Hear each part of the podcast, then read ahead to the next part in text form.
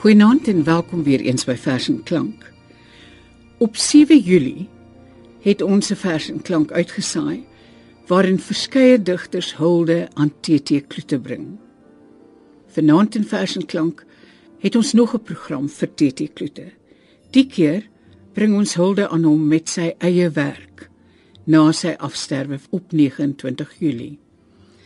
By my is professor Bernard Oudendal wat 'n teses oor hom geskryf het. Bernard, weer eens baie baie dankie en baie welkom. Baie dankie, uh, Margot, dit is vir my 'n voorreg. Praat met ons oor Kloete. Ja. Hy het eers in 1980 gedebuteer. Ja, hy was toe al 56 jaar oud. Ehm um, hy het self vertel dat hy veel vroeër al begin het om gedigte te skryf. Trouwens daar staan van sy gedigte wat in sy tweede en derde bundel verskyn het wat hy geskryf het toe hy nog in sy 20er jare was. Hy het gesê hy het nie eintlik kans gesien om te debuteer nie in die geselskap van grootes soos NP van Wyklou en DJ Opperman. Mense vir wie se werk hy natuurlik intiem geken het as as literator en dosent.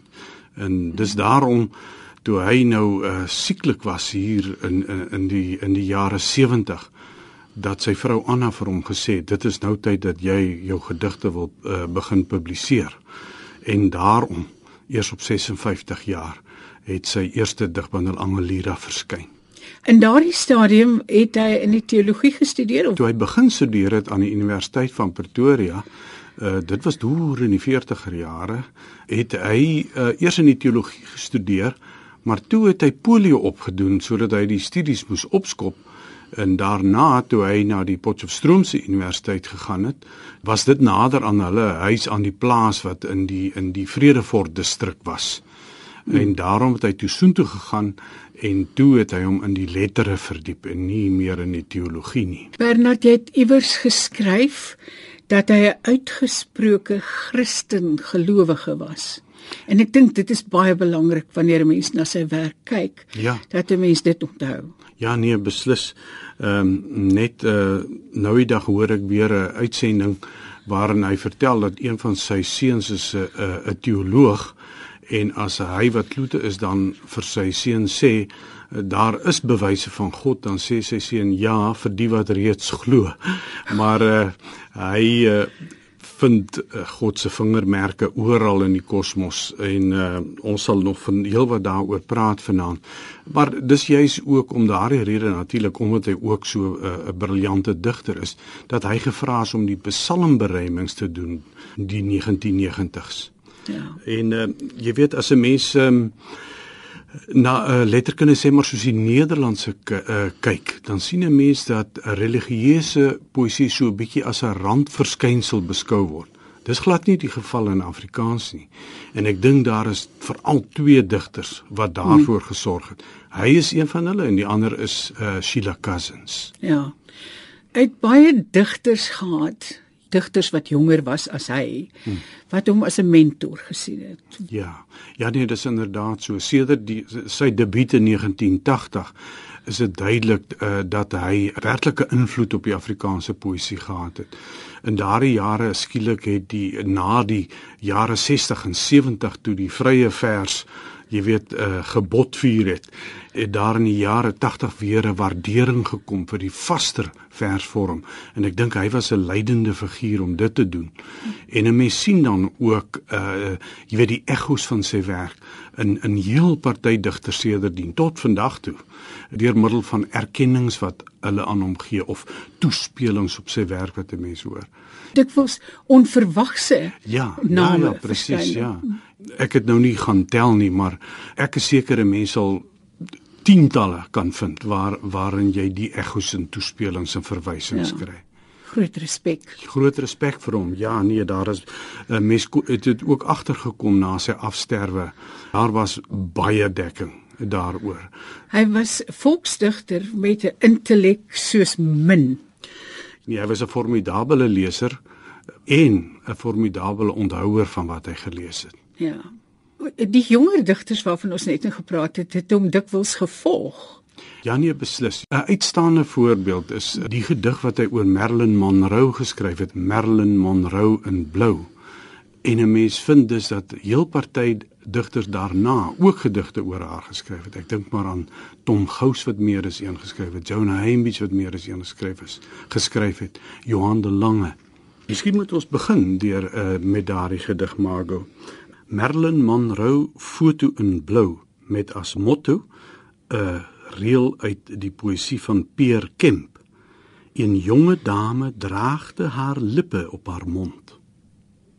Dik skaamtelik skrylings sit Merlin Monroe in 'n volstrek leë blou ruim vertrek.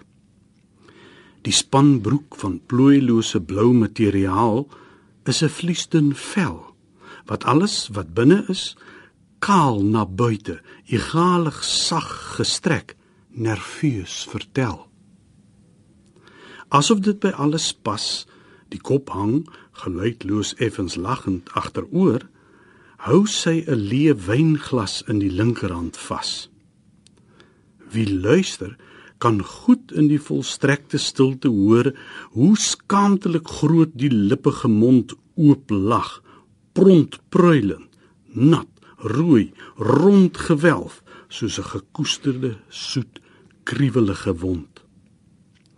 Vir die nakende Dita in die buigesprek met 'n omweg kan bysake die aandag trek op hoofsaake is slegs die een skoen uitgetrek. Elke besonderheid is op sy plek. Deur die volstrekte stilte heen hoor groot praat die deur gefluisterde skoot. Oop en bloot nakond vleesig groot. Wat gloei onder die vals egte dubbelheid juig deur alle lippe en wange uit dat dit tyd dat dit tyd uitjubelend gierig uitnodigend uit Vrou wees Simone de Beauvoir is deur huid en deur haar oop en openbaar gekleed sigbaar. Oog en oor laat hulle nie bedrieg nie. Huid en haar weet nie van lieg nie. Dit was dan die baie bekende uh, Marilyn Monroe foto in blou. Nou uit daardie selfde debuutbundel van hom is daar 'n ander gedig wat baie gewild geword het. En dit is een wat 'n mens 'n bietjie moet lees teen die agtergrond van sy swak gesondheid waaroor ons nou nog gepraat het. Die gevolge van daardie polio wat hy op universiteit gehad het, het hom dwars deur sy lewe uh, laat lê en uh, allerlei konsekwensies gehad. Dokters het uh, destyds, ek praat nou van die jare 70 trouens gereken dat hy eintlik nie meer te lank het om te leef nie. Die gedig se naam is Uitgedun. Ek dank U dat ek hier vanoggend soos van ouds weer my baard mag skeer. Vroer was ek gestel op seks en soma, op geweld en eer en geld. Nou Here, is ek goedkoop gestel op bloedsomloop en brood en stroop. Is dit nie 'n pragtige gedig nie? Kan ons dit maar almal by hom leer? Ja. Die titel van sy tweede bundel, Juxtaposisie uit uh, eh, 1982, is 'n woord wat iets aan die hart van Kloete se lewens en wêreldbeskouing verduidelik. Sy belewing as gelowige dat die oorweldigende verskeidenheid van die dinge in die skepping nie net naas mekaar nie, dikwels in teenstelling met mekaar staan nie, maar ook herhaaldelik ooreenskuif dinge wat lyk asof hulle teenstellend is ooreenskuif in een val. En die samehang is vir hom as dit ware die vingermerke van God soos ek vroeër gesê het. God die skepper. 'n Pragtige voorbeeld is hoe skoonheid en wreedheid saam bestaan wanneer die springbok die prooi van die leeu word. Skouspel 1.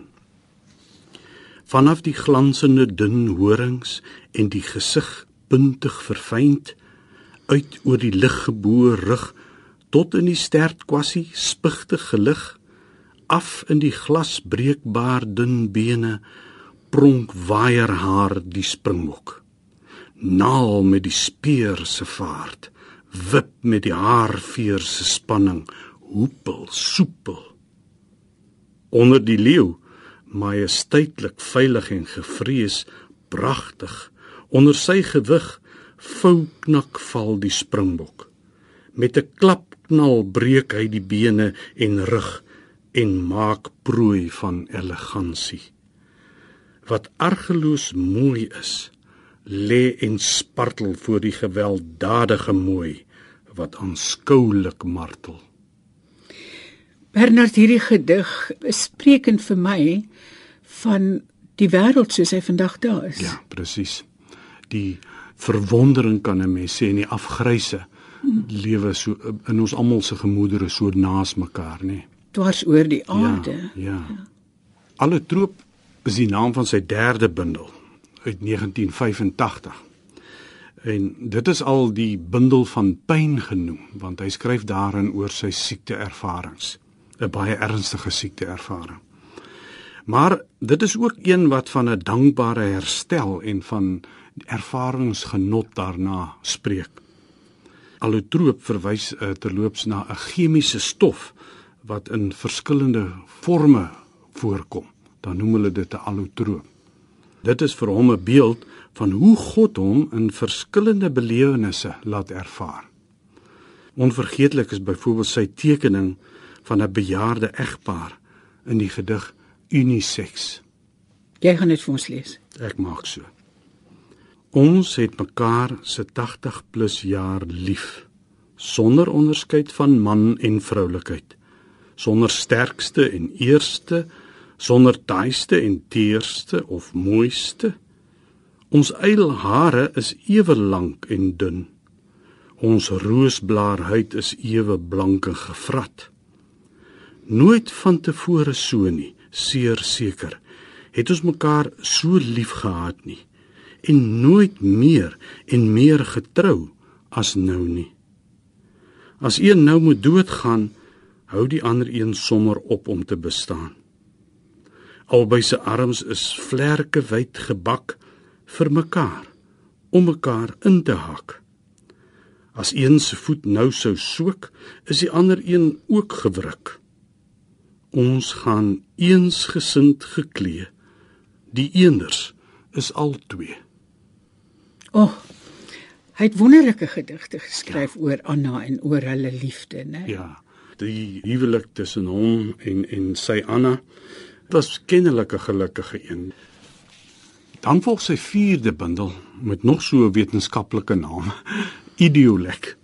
Nou Idiolek is 'n taalkundige term en dit verwys na die tipiese taalgebruik van 'n individu. Maar die bundel gaan nie net oor die Idiolek van hom as digter nie. Dit gaan ook oor die wyse waarop God hom deur middel van die skepingsdinge betuig. God se ideolek as dit ware. Luister maar hoe Kloete meen die doen van God waarneembaar is in die wonderlike gedrag wat die nietige arktiese swaal openbaar.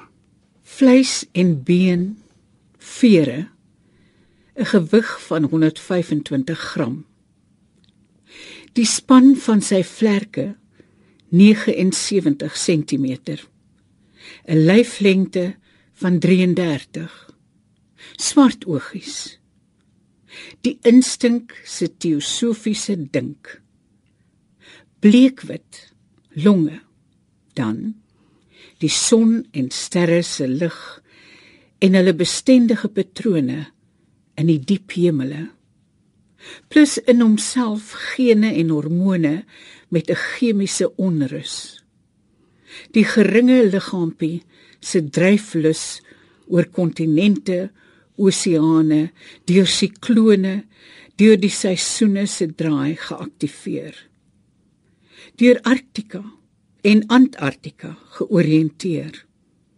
Fyn gevoelig vir die aarde se magnetiese veld, kan hy dwars deur dag en nag feilloos navigeer.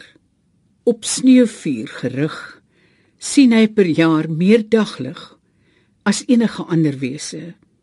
Die uithaler klein vleer. Ryk saamgestel is die doen van God in die mikrostraler. Sy aerodinamiese spel in die nietige gevoel speel hy reeds 'n ewigheid van pool tot pool.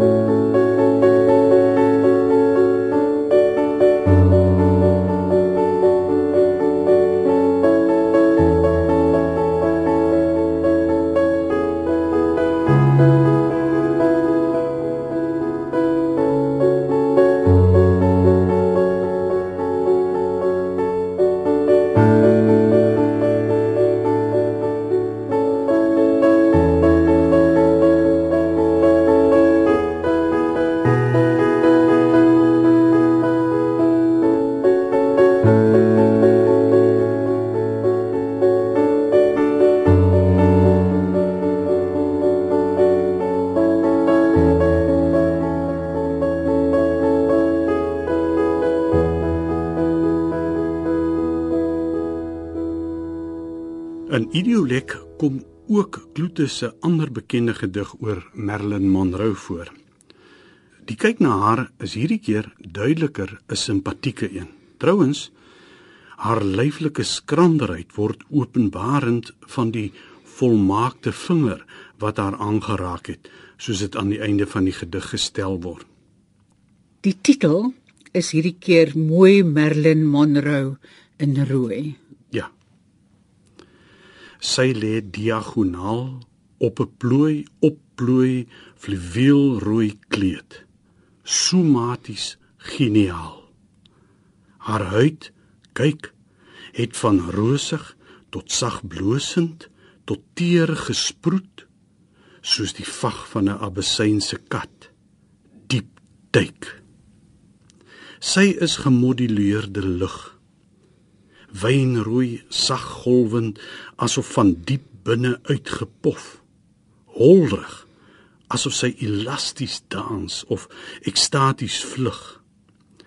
Die lewende omtrek tref die nofret met haar silhouet fundamenteel perfek.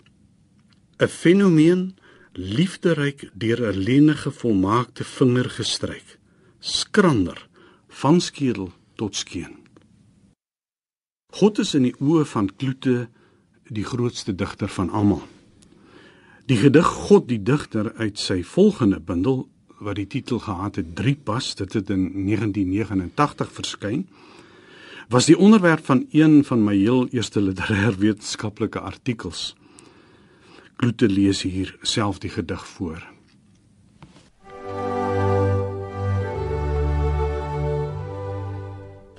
God die digter Daar is meer poësie in die sneeuvlokkie as in die letterkunde. En baie meer poësie in die miskryer en in die toktokkie. In die meteorologie en die entomologie. In die môremis en in die bergpiek. In die horison wat in die hemele wegraak. In die rooswolk is daar baie meer liriek Die aarde is deur 'n digter gemaak.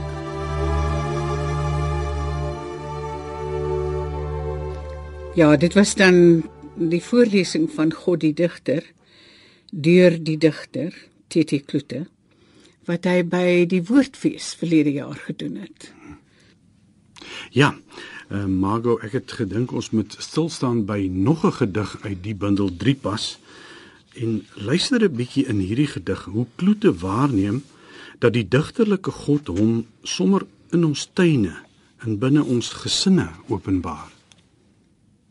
Wat is plotseling in die gevoelige weer? Ons sit daar in die koelte, gedemp en praat of swygend in die tuin, eerder meer swygend. Uit die hemel en uit die straat van die buurt om ons huis assimileer ons vreugde. Die luister kom sit en pik wurms uit die gras. Die honde speel onder die bome. Die insekte skrik van rooi na wit, na blou na geel blomme. Ons vel voel die son se prik. Ons fotosinteer met die welige koel blare en sit en kyk aangegryp hoe die buurvrou oorkant met die jong glansende hare haar lieflike sagte kind innig vashou in haar liefderyke kort vrugbare jare. En eens is daar vir 'n kosbare hartseer oral plek in die gras en voels. Daar is lelies en blare daarvoor en ons is daar. Die weer in die lughemel. Dit waai in 'n dun bries. Ons ontdek, ons sê geen woorde meer vir mekaar nie. Daar kom 'n moment delikaat en so heel dat 'n enkele uur die waarde van 'n ganse bestaan het met 'n oordaat so gelade so volmaak dat die mees bedaarde lispel dit rinkelend gaan stukkend praat 'n moment so mooi so gelaai met betekenis nê nee, dat dit soos 'n seepbel kan bars die gedig se titel is ook dan seepbel sondagoggend God praat dus met ons hier op die aarde, so dink Kloete, deur middel van die aarde. En daarom sy volgende bundel die interessante titel gehad met die aarde praat. Dit het in 1992 verskyn. Een van Kloete se heel mooiste huweliksgedigte kom uit hierdie bundel. Ook deur huwelik praat God met ons hier op aarde. En hierdie gedig het hy Anna genoem. Ja. In die ryping van ons jeug het ons mekaar met die prediker verheug. En nou al meer en meer vel en been sonder vleis is ons saamhoort 'n groeiende wonder. Baie van die ryp word dit ek vandag vergeet en ons smoor verlief se smoor is lankal oor. En baie van ons saamlag maar ek het nog fragmente daarvan oor in my onthou. Ons het saam in die helder son in 'n summer season when soft was the sun in brugge geloop. Ek onthou die Carillon, geselle se huis, gragte met swane en Villon en Carcassonne. En 'n mooi skildery van 'n courtisane in die Louvre. Maar van alle onthou van my en van jou onthou ek jou. Helder langs my in profiel langs my. Oral uit die wit lig van my land gesny daar is jy in 'n fyn helder omtrek dit in die helderste helder hou ek teen aan my ek herken jou voetstappe in 'n besige straat in ons dorp van baie ver die beste het gebly.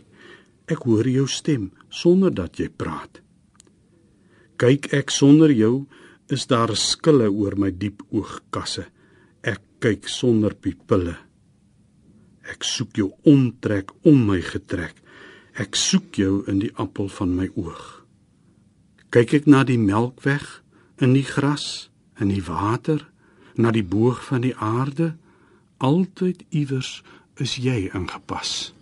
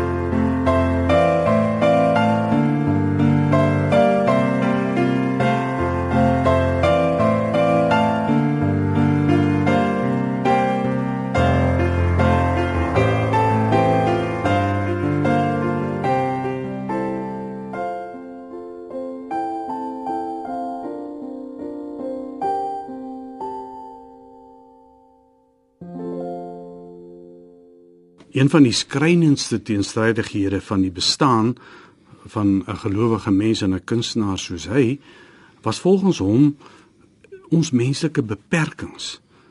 Dat al hierdie wonderlike goed om ons is, maar dat ons waarnemings en ons begripsvermoëns so beperk is en dat ons so kort leef dat ons dus as dit ware nie in staat is om die ganse rykdom van die God openbaringe rondom ons uh, waar te neem te deurgrond nie. Die mens kan dit alles net oppervlakkig en skrams beleef. Uit die hoek van my oog uh, is dan ook die titel van sy bundel wat in 1998 verskyn het. Tog bly die gelowige vervuld van 'n heilige nuuskierigheid om nou nog 'n bundeltitel te gebruik uit 2007. Ons bly onversadig en intens leef as uh, gelowiges. Onversadig is nog 'n titel van 'n bundel wat in 2011 verskyn het. Klute was 'n ware intellektueel. Ons het al daaroor gepraat. Hy was 'n 'n renessans tipe mens, né? Die een wat van omtrent elke onderwerp wat jy kan noem, 'n uitgebreide leeskennis besit. Sy besinnende autobiografiese werk, Die ander een is ek, wat 2 jaar gelede verskyn het, is 'n baie mooi illustrasie hiervan. Die moeite werd om te lees. En tog, hy het geweet sy insig en kuns is maar soos dons in die onsaglike geheel. Die gedig wat jy nou vir ons moet lees, is 'n goeie voorbeeld hiervan. En dit kom uit heilige nuuskierigheid. En die titel is ook Dons. Ja. My gedig Jy is nastergal. 'n Dowwe vermoedelike insig. Naby effe inloer, onthuts raak en ontroer. 'n Uitroep in dons, 'n fraktaal sonder gewig. 'n Geruislose sagte uilveer, nouliks iets meer. Van diskant 'n geringe skeel waarneming van die verstommende verstaan en erken en erkenning van die onverkenbare bestaan. Hoewel gelowig, blymoedig, hoopvol, as 'n mens hom geken het, dis tipies dinge wat hy uitgestraal het. Was Kloete nooit uh, jy weet, mens kan sê 'n uh, 'n lofsingende sonskyndigter nie. In sy later bundels is 'n selfs sterker bewussyn van die skadukante van die wêreld speurbaar. Die volgende gedig gaan oor die onverstaanbare ellende van die armes en die versaaktes, maar ook oor gelowiges wat onwillig is of onvermoën om iets daaraan te verander. Dit kom uit die jongste gepubliseerde bundel uit sy pen, Karnaval en Lent, wat net verlede jaar verskyn het. Die titel is Kinders. Kinders ja, en ek gaan die tweede deel daaruit lees. Hy weet dit nie. Hy is u kind. Op 'n Sondag skuil hy langs die besige straat teen die snerpende suidewind. Hy sit aan die noorde kant van 'n stuk ou karton agter sy rug in die bevrore hoë veldse winterson. As skerm rondom hom lê sakkies suur narkies te koop, oos en wes gestapel.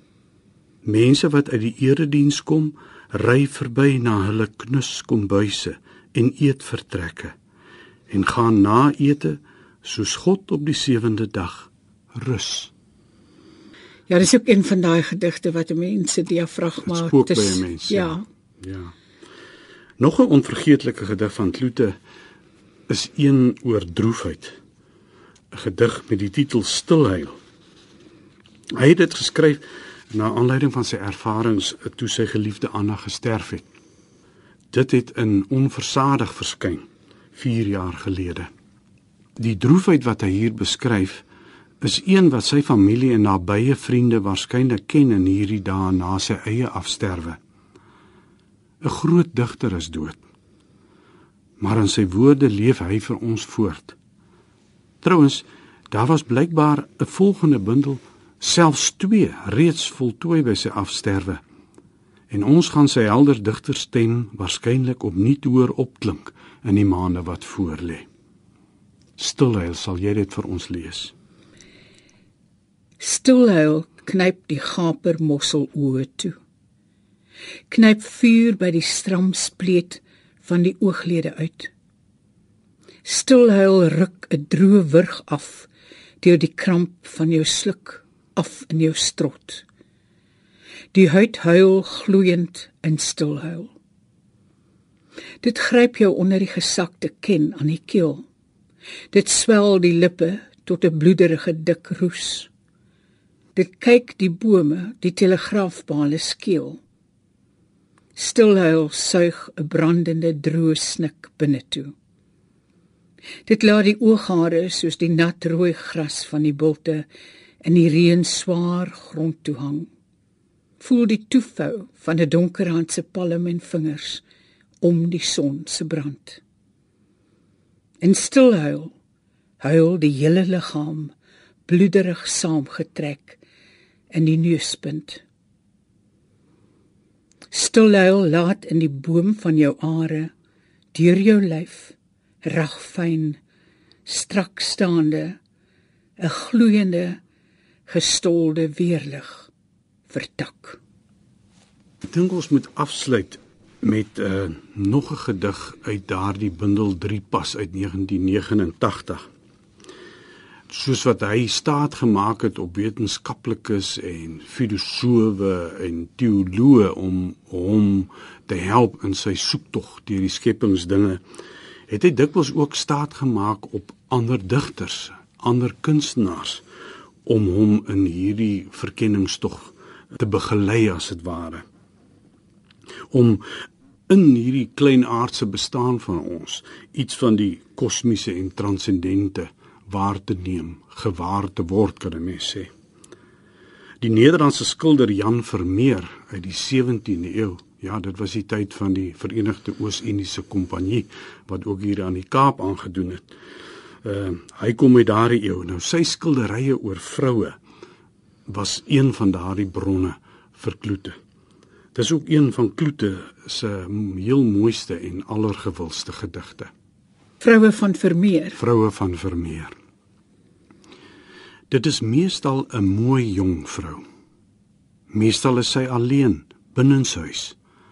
Dalk met 'n wit ver af brief wat sy vashou, naby. In 'n gloeiende klein hand voor 'n kleiner of groter oop venster. Daar kom 'n ligte geruis van 'n wêreld aan uit 'n land of groter wêreldkaart wat teen die muurvlak oorkant hang. Daar waar seestrome en wind loop met haar land se ganse skeep vaart. Sy staan, sy sit, sy buik oor kant, sy droom of sluimer in lig wat in vlokkies of korrels brand of dof kaats in die ruimer ruimte van 'n skildery of spieël of in 'n wynhouer ivoor maak of sy speel klawe simbaal of sy loer oor haar skouer en dra 'n sonnende parel teen haar nek se skadu. En altyd is daar lig wat afstraal in in die liefs klein afgemete vertrek oorvloedig uit die oop groote universum en wat die klein aardse geslote stilte in die onmeetlike laat asemhaal